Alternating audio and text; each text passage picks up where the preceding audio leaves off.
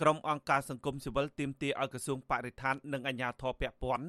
អនុវត្តច្បាប់ឲ្យបានគ្រប់ជ្រុងជ្រោយនិងមានប្រសិទ្ធភាពព្រោះករណីចេញលិខិតកាន់កាប់ដីធ្លីនេះបានបំផ្លាញព្រៃតំបន់ការពារជាភាសាចម្រុះនិងព្រៃឈើធំធេង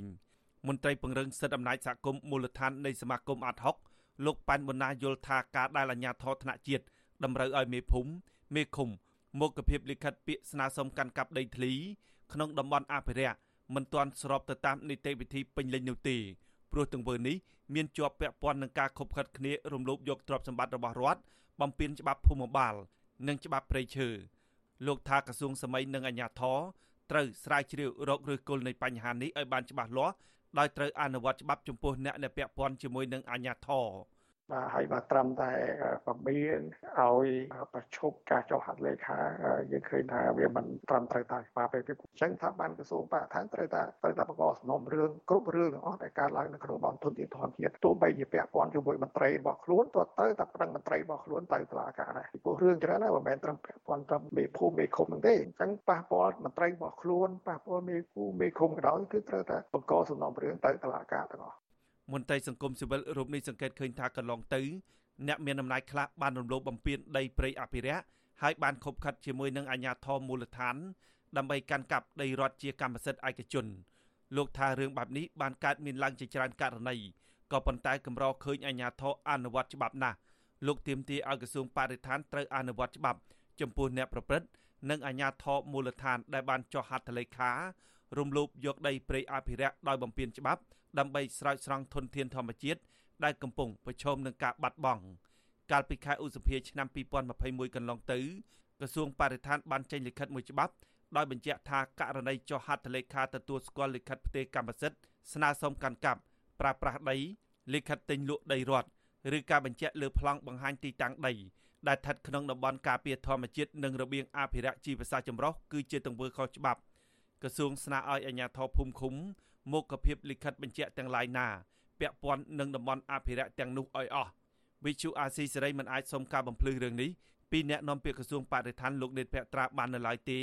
នៅថ្ងៃទី8កក្កដាជុំវិញរឿងនេះអាជ្ញាធរឃុំតាសាលស្រុកអរ៉ាល់ខេត្តកំពង់ស្ពឺបានឲ្យដឹងថាក្រោយពីក្រសួងណែនាំអាជ្ញាធរឃុំបានចេញលិខិតមុខភាពស្នើសុំកាន់កាប់ដីធ្លីចំនួន2លិខិតរួចទៅហើយ លិខិតទាំងនោះបានស្នើសុំកាន់កាប់ដីធ្លីចំនួន400ហិកតាស្ថិតនៅក្នុងដែនជម្រកសត្វព្រៃអរ៉ាល់ហើយអាជ្ញាធរឃុំតាសាលកំពុងស្រាវជ្រាវបន្ថែមទៀតអាជ្ញាធរមូលដ្ឋានដដែលបញ្ជាក់ថាបើរកឃើញថាមានលិខិតស្នើសុំកាន់កាប់ដីធ្លីប៉ះចំព្រៃអភិរក្សនោះក្រុមប្រឹក្សាឃុំនឹងពិចារណាមុខភាពជាបន្តបន្ទាប់មេឃុំតាសាលខេត្តកំពង់ស្ពឺ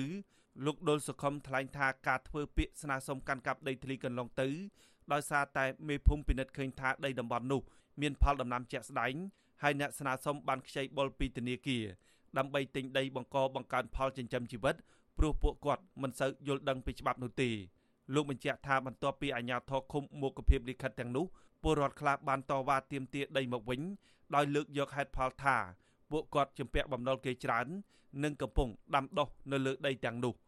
ការស្នើសុំចុះហត្ថលេខាមេភូមិក៏បានដឹងដែរណាក៏បានដឹងក៏ហើយគាត់មិនមិនដឹងទេក៏ដឹងក៏ប៉ុន្តែនឹងការគាត់យល់ឃើញក្នុងការជារដ្ឋទី1គាត់បានកាន់កាប់ដល់យូរហើយទី2ទៀត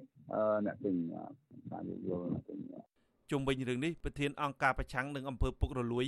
ទប់ស្កាត់ការបំផ្លាញធនធានធម្មជាតិនិងការពារសិទ្ធិពលរដ្ឋលោកជាហ៊ានសង្កេតឃើញថាតំបន់អភិរក្សចំនួន2គឺដែនជម្រកសត្វព្រៃភ្នំអរ៉ាល់និងឧទ្យានជាតិគិរីរម្យ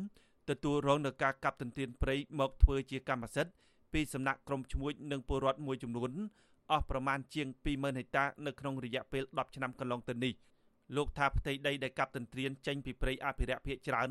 មានចុះហត្ថលេខាស្នើសុំកាន់កាប់ដីធ្លីពីអាជ្ញាធរមូលដ្ឋាននៅស្រុកអរ៉ាល់និងអាជ្ញាធរស្រុកភ្នំស្រួយរបស់ខេត្តកំពង់ស្ពឺលោកយល់ថាការណែនាំរបស់ក្រសួងសម័យហាក់បីដូចជាយឺតពេលព្រោះព្រៃអភិរក្សដែលគេកាប់ទន្ទ្រានកាន់កាប់មួយផ្នែកធំ បានคล้ายទៅជាដីចម្ការនិងវាលរហោឋានស្ទើរតែទាំងស្រុងជនល្មើសហ្នឹងវាកាប់ទៅវាលក់អាខ្លះទៅដូចថា